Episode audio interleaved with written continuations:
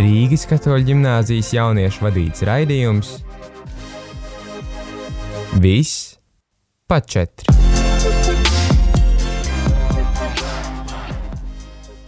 Esiet sveicināti atpakaļ ar Rīgas katoļu ģimnāzijas raidījumā pa četri.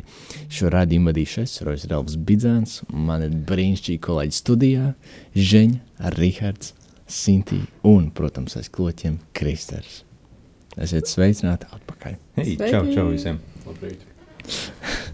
Nu, kādam jau rīts varam redzēt, kādam, kādam varbūt diena. Jā, vispār šī diena ir bijusi diezgan saspringta. Un Pirms mēs varbūt sākam tēmu, uh, kā jums vispār šodien pa dienu gāja? No 1 līdz 10 varbūt, ja 10 ir ļoti labi un uh, viens būtu ļoti slikti. Nu, es varētu sākt. Es teiktu, ka diezgan labi. Es vismaz šorīt laicīgi piecēlos, izdarīju visu savu rīta rutīnu, sagaidīju skaisto saulēktu. Un šodien es vispār teiktu, ka kolosāla diena. Neviena mākonīša nav redzama. Un es teiktu, super. Arī pa skolu diezgan labi gāja. Koncentrācija bija vietā, varēja visu klases biedri pozitīvi, forši. Un man ļoti laba diena. Iesāk pirmdienu. Es šodien kopumā vērtētu uz kādu septiņu. Es pamodos, bija ļoti skaists saulēkts, pastaigāju suni.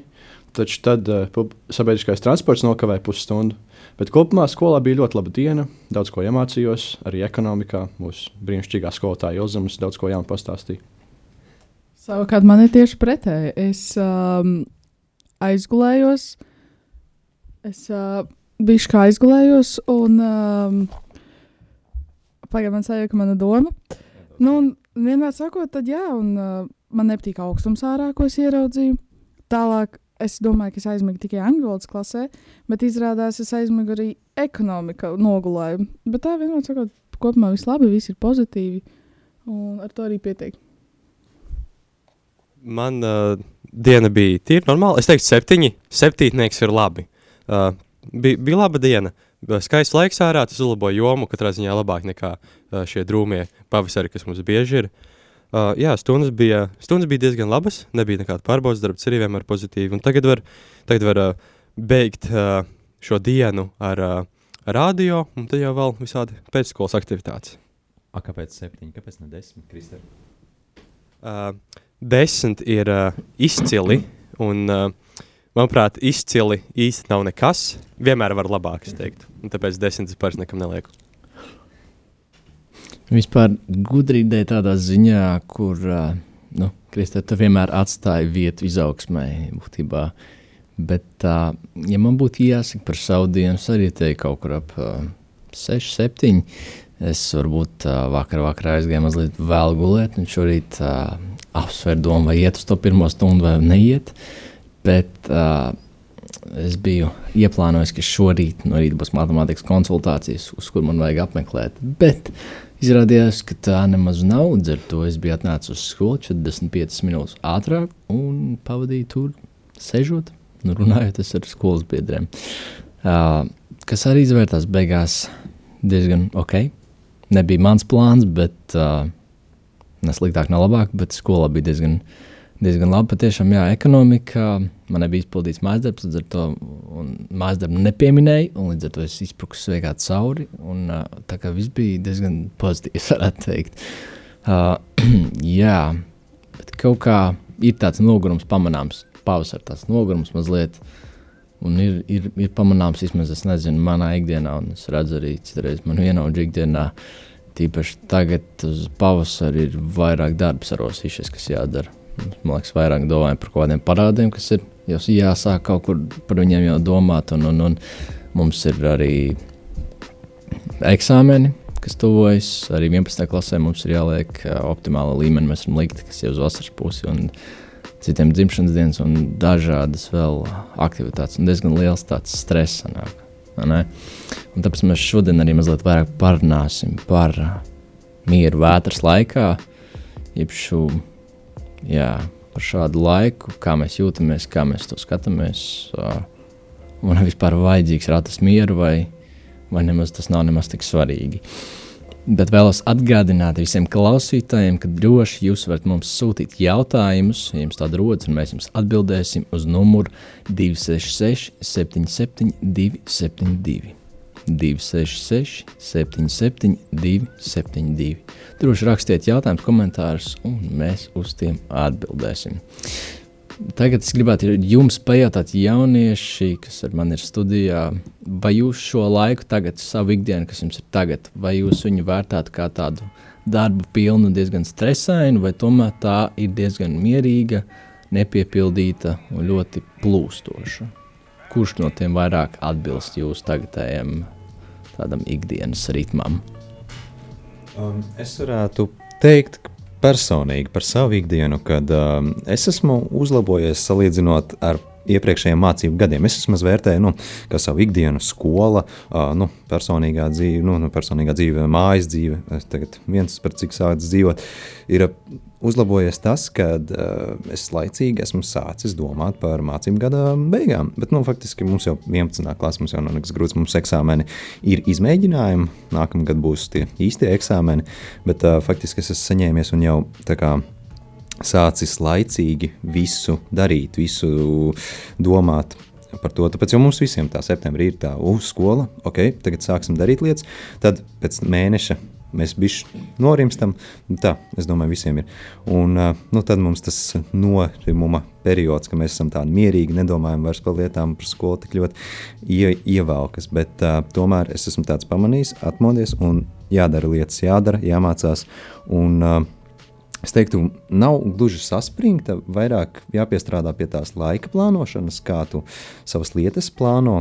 Un, ja tu saplāno tādu rīktīgu foršu rutīnu, viscaur darba nedēļai, vismaz, uh, kur mācības, uh, mājas darbi. Un viss tas uh, sajiet tā roku rokā. Un, ja vēl ir kāds pulciņš, tad vispār super. Tad tas ir diezgan uh, laba, mierīgā vēsmā, varam dzīvot mierīgā garā. Es nezinu, kā citiem līdzīgi vai kā. Man gan šis mācību gads izvērtās ļoti stresains salīdzinot ar pagājušajiem es sapratu to, ka nu, nākotne tuvojās. Tūlīt jau beigs vidusskolu un būs universitāte. Un es sapratu, ka es nu, līdz galam vēl nezinu, ko darīt. Un tad sākās tā lielā stresošana. Un, uh, taču es šogad, tieši janvārī, tāda kā jaunā gada apņemšanās, sapratu to, ka stresot ir vienkārši bezjēdzīgi un labāk vienkārši visu ņemt mierīgi. Kaut vai tas var būt slikti tādā ziņā, ka tu nevari nepaspēt izdarīt darbus laicīgi, Tas, tas ir daudz labāk tam mentālajam stāvoklim. Es arī pilnībā piekrītu par to laika plānošanu. Ir jāiemācās plānot laiku.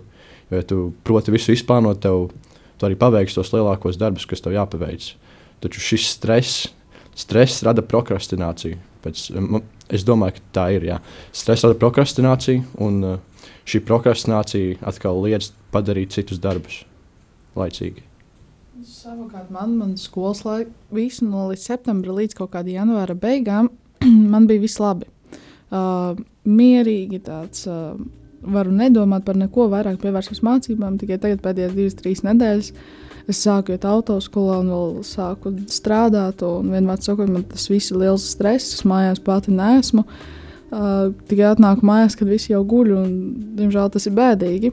Jo es agrāk to nenovērtēju, es agrāk nerunāju ļoti bieži ar vecākiem. Tagad man tā, tā atnāca un tev nu, nav kam izkritīt savu sirsniņu, teiksim tā. Bet, um, Stress ir milzīgs arī jo skolas ziņā, jo es fiziski arī nevaru drusku pamācīties tajā ziņā. Kaut kā es cenšos varbūt izsmaukt tur cauri reizēm, vai arī paspildīt ātri pēc starpbrīžiem, lai būtu vienkārši miers mājās, bet nu, kaut kā man te nav viegli. nu, jā, mēs varam dzirdēt, ka uh, ir jaunieši, kas jau mazliet jau ir mazliet atslābuši no tā stresa, un uh, ir, ir redzams progress, un ir, un ir redzama atkal tādas neziņa par to, kas būs tālāk, un stresošana, un atkal tāda apņemšanās plānot laiku, tad atkal ir redzams šis grāvis gandrīz, vai kur nu, ir diezgan uh, slikta situācija, kur ir liels stress, kur ir daudz, daudz, daudz liels uh, atbildības sajūta, un viss ir uz nu, dzīves vai nāves jautājumu, gan arī tā šķiet. Nezinu, un, uh, žen, tu minēji ne, par to, ka, jā, par, ka stress rada prokrastinā, prokrastināciju, kas ir uh, laika novilkšana būtībā, ka mēs novelkam darbus un mēs tos neizdarām. Uh, mēs nolikām pēdējo, un pēc tam mēs stresojam par to. Man jau ir jāiemācās plānot laiku. Es nezinu, kā tev ar to, vai tev tas izdodas reālajā dzīvē vienmēr, vai ir brīži, kad neizdodas, jo es varu teikt par sevi, ka man tas neizdodas dažkārt. Un, teiksim tā, kāda, vai tev tas izdodas vienmēr, un ja neizdodas, kāda ir tava reakcija? Uh, uz to, ka tev tas neizdodas. Vai tev ir tāds bācis, es to neizdarīju, vai, tev, vai tu pieņem to, vai, vai kāda ir tava reakcija, ka tev nesanāk kaut kas pēc plāna. Ar to laika plānošanu man arī līdzīgi kā tev. Man pārsvarā tas viss neizdodas.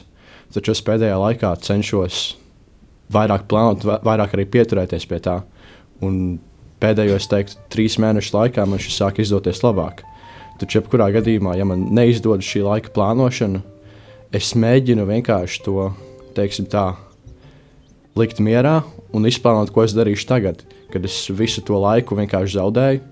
Kas man jādara tagad, lai to visu uzķertu un visu to, visu tos nepadarītos darbus izdarītu. Bet, uh, es redzu, mēs runājam par tādu skolas kontekstu, par mācībām, par kaut kādiem mājas darbiem, projektiņiem, kas mums ir uzdoti. Es tā sapratu, vai neroja, ka mēs tieši par to. Uh, kas ir tas, kas mūs attur? Tāpēc es nezinu, es tā loģiski piedomājot pie tā, pastoties savā plānotājā, ko es esmu ieviesis ar šo gadu. Um, Tas ir diezgan mazs pufels izdarīt visus tos darbiņus. Tev vienkārši jāpiesēžas un jāizdara tev jāvelta laiks, bet kas ir tā problēma? Liekas, ka mēs, mums tā mm, motivācija, mēs to nesaukam par motivāciju, bet tāda apziņa varbūt pat trūkst, kas papildina varbūt mani. Jā, es, es, es diezgan daudz arī esmu domājis liekas, par to, kas tad ir tas, nu, kāpēc. Jo bieži vien arī liekas, es atceros kaut kādu lietu, kas ir aizdara. Es domāju, ah, ok, tā kā viegli izdarīt, kā tā, tas pats darbs ir viegls diezgan salīdzinoši. Bet piesaistīt un izdarīt tas ir tas grūtākais. Es esmu pamanījis sevi, ka tas ir tāds visaplis, kas rodas no tā, ka ir jāizdara lietas. Tad, kad tu neizdari, rodas vainas apziņa visbiežāk. Bācis, es neesmu izdarījis, bācis, kuras, kāpēc es šito atkal šito no vainas apziņas. Tāpēc, ka mēs sevi paši tiesājam par to, ka mēs neesam izdarījuši, mums atkal rodas tāda vēlme bēgt uz patvērumu, jeb iet uz kaut kādu tuvāko lietu, kas mums apmierina. Jeb parasti tas ir sociālai mēdīņi, telefons, kas ir vistuvākais, kas mums pie rokas, kur mēs varam dabūt tādu komfortu. Mēs arī angļu valodas stundā vai jau ekonomikas stundā, nezinu, kurā, bet jā, no mūsu skolotājs, kurš stāstīja par šo, ka tad, kad mums ir kaut kādas periodi, kurās mums ir jāsaspringst, Un tad, kad mēs gribam atslābt no šiem periodiem, aiziet no tā prom, tad pirmais viņa stāstīja arī piemēru par to, ka viņi bija kādā pārgājienā, kur bija diezgan grūts pārgājiens, vairāk stundu, un pēc tam pirmais, kur tvērties, ir pie telefona. Jā, tā ir tā, tas, tas komforts, kur mēs varam ļoti viegli dabūt. Un uh, šis rodas tāds nebeidzamies aplis. Mēs vairāk sev tiesājam par to, ko mēs neesam izdarījuši. Mēs ejam atkal sociālajās mēdījos, dabūt komfortu, patērējam laiku, mēs neizdarām vēl vairāk lietas, tad mēs atkal sev tiesājam. Un mums arī nav tas stiprais nē vārds. Jo mēs varētu mierīgi nolikt to telefonu un mācīties, tad, piemēram, bet nē, mēs gribam labāk pastīties, bet mēs ne, nespējam pateikt, nē, te laiks mācībām. Viss. Un tas ir tas mūsu tas vājais posms, es domāju, vājākā vieta. Tā varētu pateikt. Kristēnam kaut kas bilstams. Uh, nu, mēs vispār kā cilvēki, kā suga, esam visai slinki. Mums nepatīk, ka ir daudz darbs. Kā mūsu bioloģiskā skolotāja teica, 98% no visiem cilvēkiem ir slinki. Tas ir, tas ir diezgan, diezgan augsts skai, uh, cipars. Bet uh, mēs iegūstam parasti motivāciju kaut ko darot. Bet, lai mēs uh, vēlētos iesākt darīt kaut ko, mums ir nepieciešama motivācija. Tas ir tas apgūtais lokus, ko arī Rojas pieminēja, ka, ja mēs nesākam, tad mēs arī nedabūsim to motivāciju, lai turpinātu. Un līdz ar to visvienkāršākais veids, kā tikt no šī vaļā, ir vienkārši sākt, tikt pāri savām šīm grūtībām, tikt pāri sev un sākt. Uh, bet, manuprāt, daudzi to vēlas darīt tā uzreiz, visus darbus momentā, uz visiem simts. Manuprāt, tas ir ne, ne tas pareizākais paņēmiens. Es domāju, būtu pareizāk tā pa mazu viņam, uh, teiksim, ja tev ir diezgan daudz darbi, tad uh, iesāc un izdari dažus no sākuma. Tad, uh, teiksim, nākamajā dienā vai nākamajā reizē, kad tu esi spējīgs un ka tev ir laiks tos nākamos darbus pildīt, tad papildi, teiksim, nevis vienu, bet divus, un tad nākamajā reizē jau trīs vai četrus.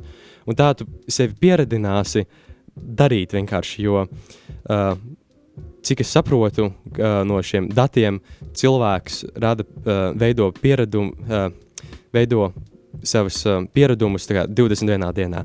Un, ja tu 21 dienu apmēram šo visu veiksi, tad tev jau tas būs kā smadzenēs jau iesēdies, kā standarta lieta, ka tu vienkārši apsēdies un dari, un tikai tad uh, tev ir brīvais laiks, kurā tu dari, ko vēlies.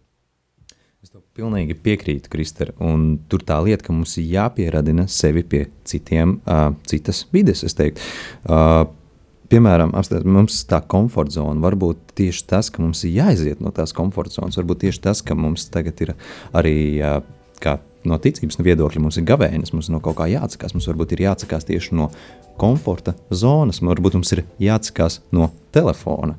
Kas kurā, kuru mēs, kā Rojas arī pieminēja, uh, mēs meklējam to komfortu, ka mēs uzreiz ķeramies nu, pēc garas pastaigas, uzreiz pastāvamies vai kaut, ko, kaut kas nesenāk, uzreiz meklējam telefonā atbildes.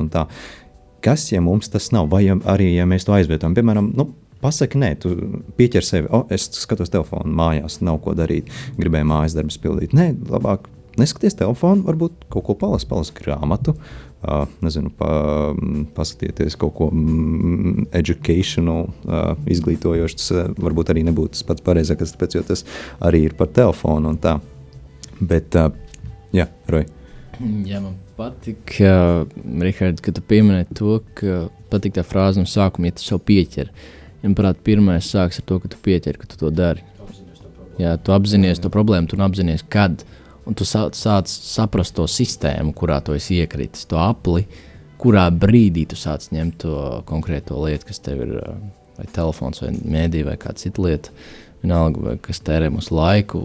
Tu sāc kuros brīžos, kas ir tas, tas slēdzis, kas angļuiski vārds trigger, uh, kas ieslēdz šo sistēmu. Kas liek tai sistēmai darboties, kas jau ir automatizēta, kas arī ir mums kā ieradums, šī komforta, mm -hmm. aiziešana uzreiz pie komforta. Uh, Un, un, un, un jā, saprotot to sistēmu, to var mēģināt sākt uh, saprast, kā to sistēmu mainīt.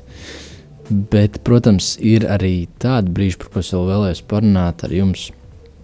Par to, ka tad, kad ir, ir patiešām daudz darba, tad, tad, kad ir nevis tikai prokrastinācija, bet tad, kad arī nu, patiešām, būtībā, kā Sintīna arī teica, ka, nu, ir ļoti daudz lietas, ir gan autoskola, ir gan mācības, ir gan darbs.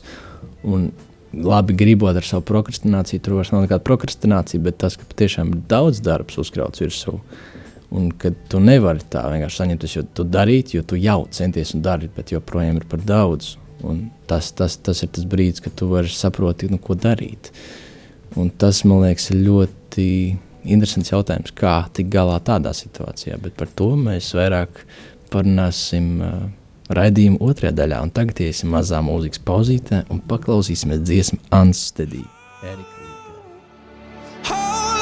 Me, cause I'm a little unsteady. Little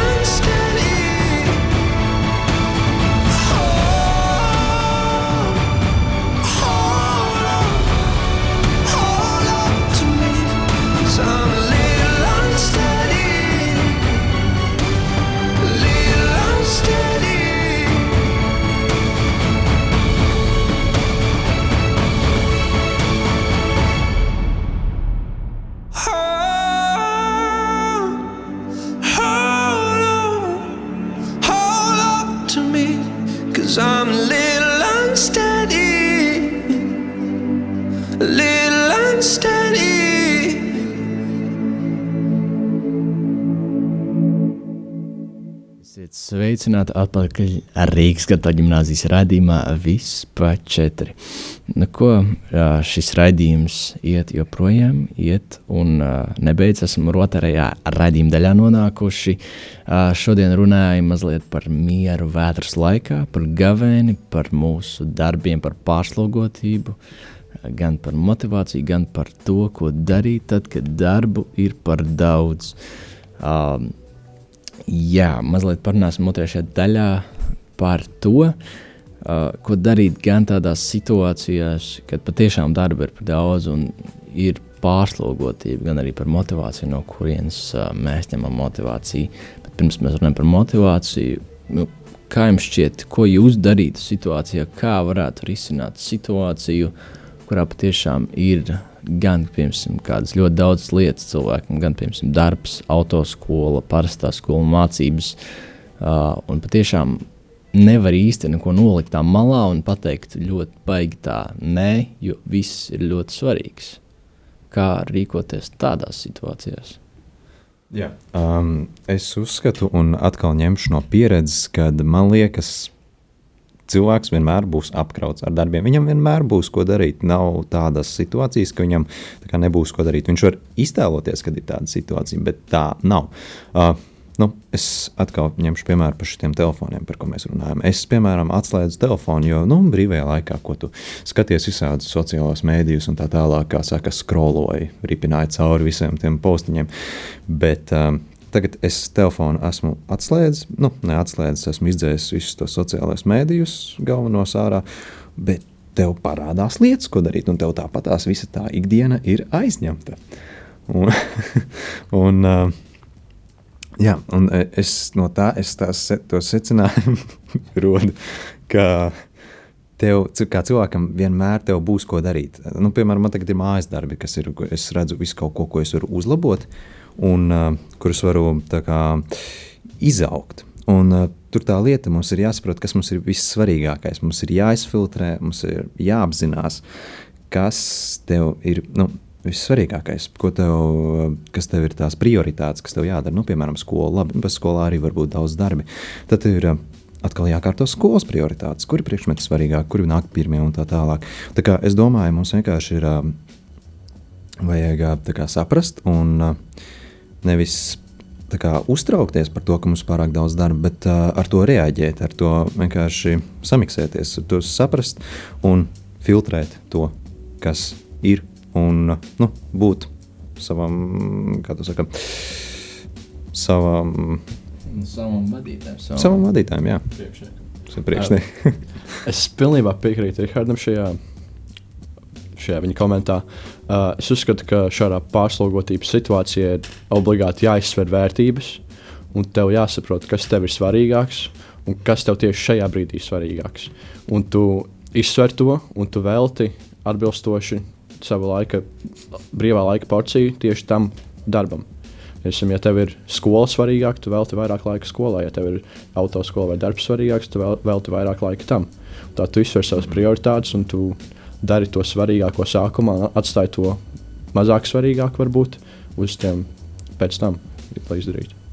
Pilnībā piekrītu, bet vēl varbūt sarežģīsim situāciju Ko darīt tādā situācijā, kad tu izvērtē prioritātes, bet tavas prioritātes neskrīt ar tavu vecāku prioritātēm, kuri saka būtībā, kas tev, nu, kur tev vajadzētu pievērst uzmanību. Piemēram, tev vairāk prioritāte sāk kļūt šis darbs un autoskola. Autoskola taču vecāki ļoti uzsver uh, izglītību un tādas lietas, un līdz ar to ir spiediens no citiem cilvēku puses, tīpaši no tuviem cilvēkiem. Un tad jautājums ir, kā, ko darīt situācijās, kad ir uh, spiediens, spiediens no cilvēku puses un kā izdarīt pareizo izvēli un saprast, vai tas ir tikai tavs kaut kāds tāds untums, vai, vai tomēr tā ir tā prioritāte, kur tu nosvērs, ka tu tā vēlies darīt savā dzīvē. Es pārsvarā teiktu, ja, ja klausieties vecākos, uh, viņiem šī darba pieredze, protams, ir lielāka. Viņi zina labāk sabalansēt uh, savu dzīvi un, uh, un uh, visus uh, galvenos uh, notikumus, kā, kā vispārējais secībā izdarīt. uh, teiksim, šis darbs. Teiksim, ja tu dzīvo ģimenē, kur tev, uh, protams, uh, normāli apgādā un tev ir nauda, teik, kāpēc nav darīt, tad, tad teiksim, no darba atkal tev beigā lielā jēga nav un ir svarīgāks liekas par darbu, ja tev tā nauda nav svarīga, ja tu nedzīvo uz tās naudas. Vai arī, teiksim, es tagad arī eju autoskolā, un man liekas, nu, principā vispār nav. No rīta līdz vakaram, un tad uh, vakarā tikai mājās, paēst, pagulēt, un tas arī principā viss. Tad mājas darbiem, teiksim, laiks nav, tos tur cenšos paralēli parasti pildīt, tur vai kādā, kādā priekšmetā vai kādā brīvākā brīdī. Uh, bet, teiksim, autoskola. Viņa ir, es teiktu, šobrīd iespējams pat bišķiņa augstākā līmenī par parasto skolu, jo viņa ir uh, tāda, kur tu arī ieguldi pietiekami lielu daudzumu naudas, un viņai ir tikai uz īsu brīdiņu. Par šo skolu, par to mēnesi, pusotru, kas man mm, paiet, lai viņu pabeigtu, tur nenotiksies nekas tik daudz. Tagad eksāmena nav vēl, tagad ir vēl februāra beigas tikai, un tā autoskola šobrīd ir tā izdari, nokoncentrējies uz to vairāk, un tad arī viss būs kārtībā. Jā, man ļoti patīk šī tēma, par ko mēs iegājām. Uh, tas jā, roja jautājums vienkārši izcils, ko darīt, kad nu, mums ir citi cilvēki, kas ietekmē mūsu prioritātes. Un es domāju, tas no vienas puses veido tādu kā tavu pašu raksturu, kāds tu esi un ko tu sev noliec prioritātes. Tas pirmkārt veido tādu kā bišķiņa patstāvību, kad ne, es pasaku, ka šis man ir un tas. Bet tomēr uh, tev būtu jāizsver tas, ko tu nokavēsi. Jo tomēr tev vecāki, nu, viņiem vairāk pieredzes dzīvē. Un uh, es uh, saprotu, man arī tiesības, jā, gribās, gribās, gribās. 18 gadu tu tas vasaras sākumā būs, nu, lai visu vasaru var. Bet tad, tad tā padomā, nu, ko tu īsti nokavēsi? Tev pareizāk būtu nu, tieši par šo konkrēto situāciju, ka tev ir autoskola un tev uh, būtu labāk jāmācās, nu, vairāk jāpievērš uzmanību mācībām, kā tev vecāki saka. Es sacītu, es pat piekrītu vecāku pusē. Tāpēc, jo, nu, es nezinu, vai tu kaut ko daudz vari nokavēt. Jo, skaties, tev visa vasara, tu pirmkārt varēsi sākt strādāt, varēsi apvienot darbu ar autoskolu. Tas uh, arī veidos tādu kā bezmaz vai nu, skolas grafiku. Bet tikai tev darbs nebūs vasaras darbiņš tik svarīgs kā skola. Jo skolā tomēr mēs iemācāmies kaut ko tādu. Nu, protams, var arī tālmācības un viss kaut kā tā, bet nu, tomēr tā skolas vide un tas viss, es domāju, tas ir vērtīgāks. Un vecāki arī to izsvēruši, kad tomēr tev būtu jāietekmējas no citu viedokļa. Jā, tas tas mans kā secinājums. Jā, Roja. Jā, es tev piekrītu, un, bet tad man atkal rodas tāds jautājums, uh, tad, piemēram, kā ir labāk, un ejot, saka, nu, ka, kāpēc nokavēt to, piemēram, tev ir brīva vasara, un kāpēc nevar tos darbus, kas tev tagad spiež, teiksim, tā kaklu nost, nevar ielikt vasarā, lai sabalansētu to visu, ne? Un tad jautājums, kas ir labāk un kādas atkal prioritātes, ne? vai tagad uh, mēģināt saspiest visu ļoti stresaini, un tad, lai vasarā varētu būt brīvāks, lai var, vasarā varētu vairāk uh, nestraukties un nebūtu šis, nu, varētu jūs kā atpūta, vai tomēr ielikt tos darbus vasarā, lai tā arī sanāk kāda darba diena būtībā, līdz ar to ir šīs konflikts starp atpūtu vai nu tu tagad ļoti vairāk strādā, streso, vairāk ieliec sevi tādos grožos un izdari vairāk, lai vasarā būtu mazāk, vai tomēr sabalansē, lai vasarā būtu tikpat gandrīz jādara, cik tagad. Kā jums šķiet, kā ir labāk, kā jūs darītu? Nu, šeit es atkal domāju, parādās tas jautājums par atpūtu. Tas ir faktiski vispār jautājums par atpūtu, un es domāju, mums reāli atnācis atpakaļ jautājums par slinkošanu, ka mēs gribam to atpūt, mēs gribam izdarīt, lai pēc tam ir brīvāks. Jo nu, man vienkārši uzreiz tāda, mm, kā, tāda aina prātā, vēlāk, kad esi liels pieaudzis, ka tev ir darbs, ģimene un tas vispārējais, vai tev ir tāda vispār atpūta, vai tev vienkārši arī ir jāapvieno lietas un jāmeklē atpūta. Nu, citās. Jāizbauda lietas, ko tu dari, jāizbauda tas ceļš, ko tu ej. Tā kā es domāju, um, kad tās atpūtas meklēšana vasarā, es to nezinu, nesaskatu tur baigo problēmu, to sasaistīt ar um, dažām lietām, kas nu, tev palīdz. Nu, nepalīdz, bet uh, arī. Nu, nezinu, kāds piebilst kaut ko. Jā, es personīgi nedaudz iešu pretrunās Rihardam. Uh, es atpūtu arī uzskatu kā prioritāti.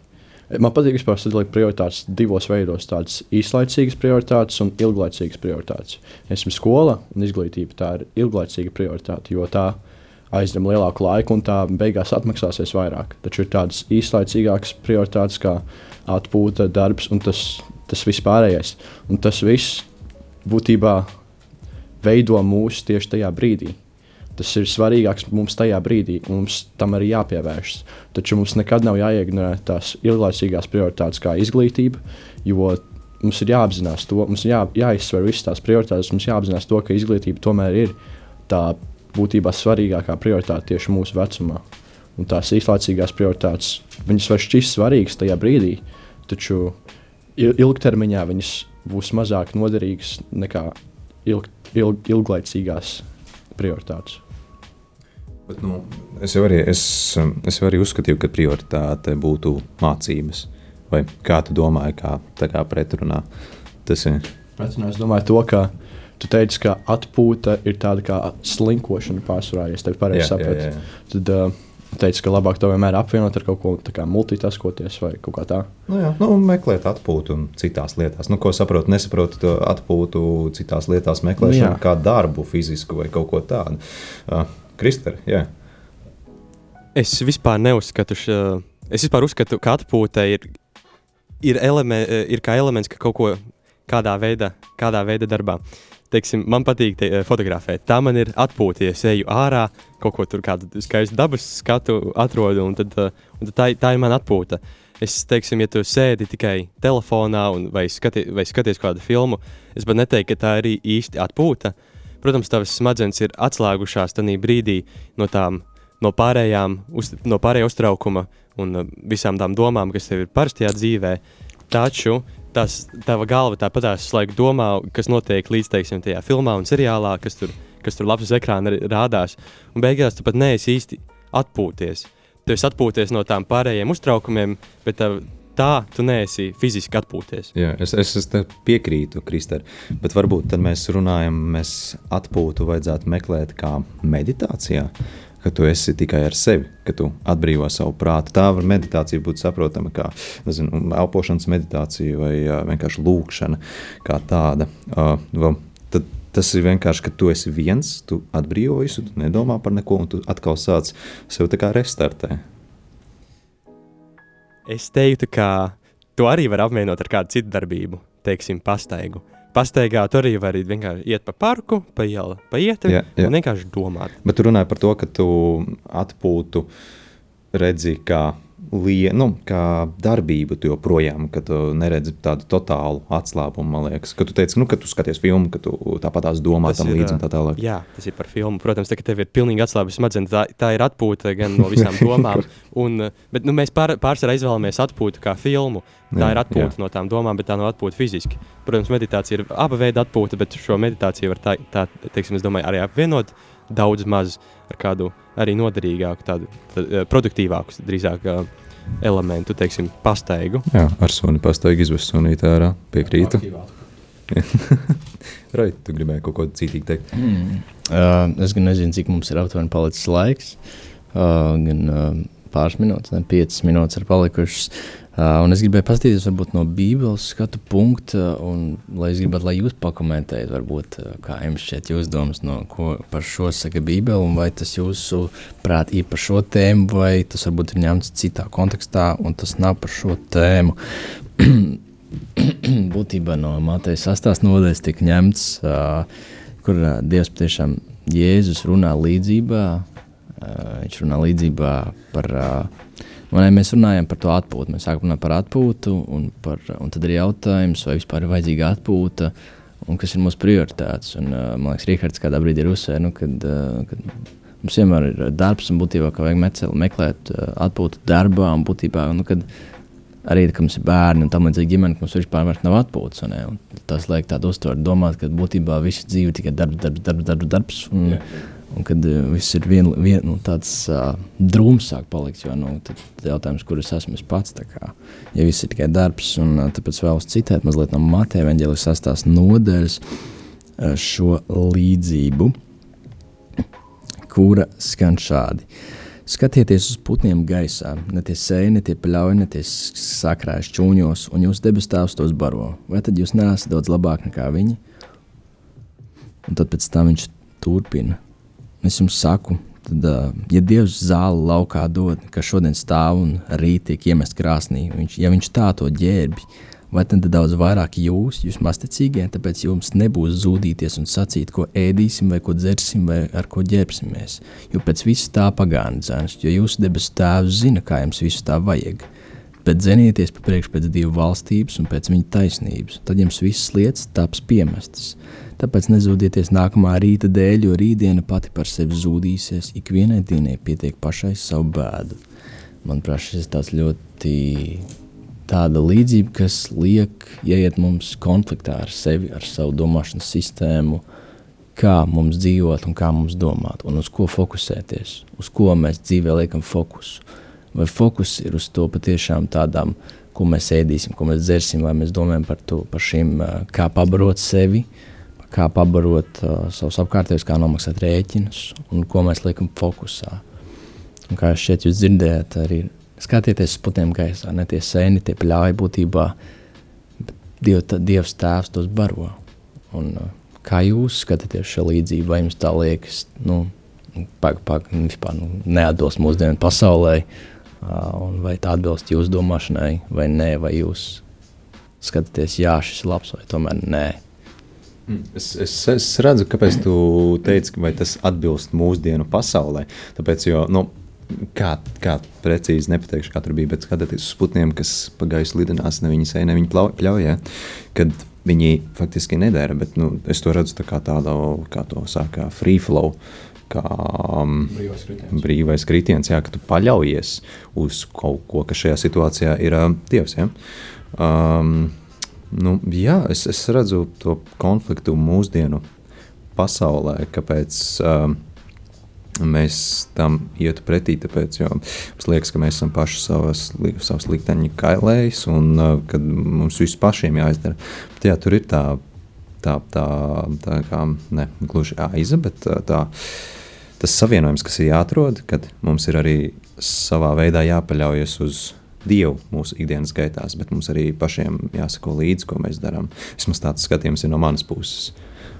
Cik, Jā, tiešām. Uh, nu jā, tad ir jautājums, vai, Richard, vai, vai, jūs, vai jūs piekrītat tam, ka ir, ir jāpaļa, jāpaļaujas uh, un, un, un ka, nu, ka nevajag lieku raizēties par rītdienu.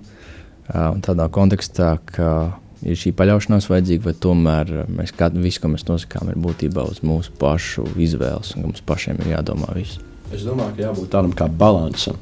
Ir jāzina, kad vajag paļauties, taču vajag arī dažreiz saņemties un raizēties par to, kas būs. Tāpēc, ka bez raizēm nebūs darbs. Un vajag, vajag darīt, lai sagatavoties tam, kas būs nākotnē. Tāpēc ir brīži, kad vajag paļauties, un ir brīži, kad vajag raizēties. Es domāju.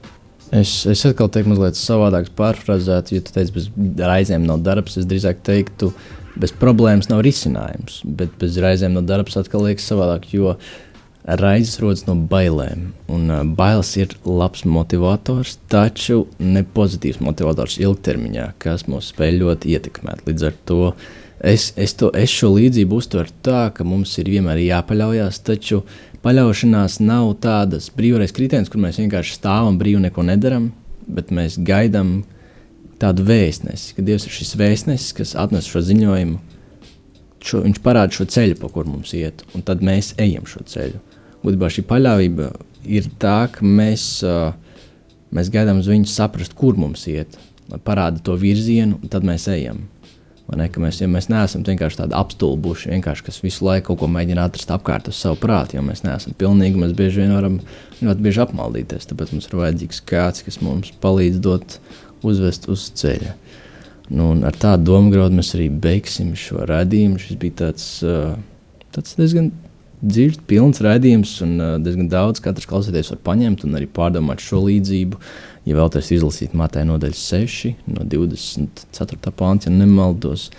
Uh, bet jā, paldies visiem, kas klausījās, un tiksimies nākamajā nedēļā.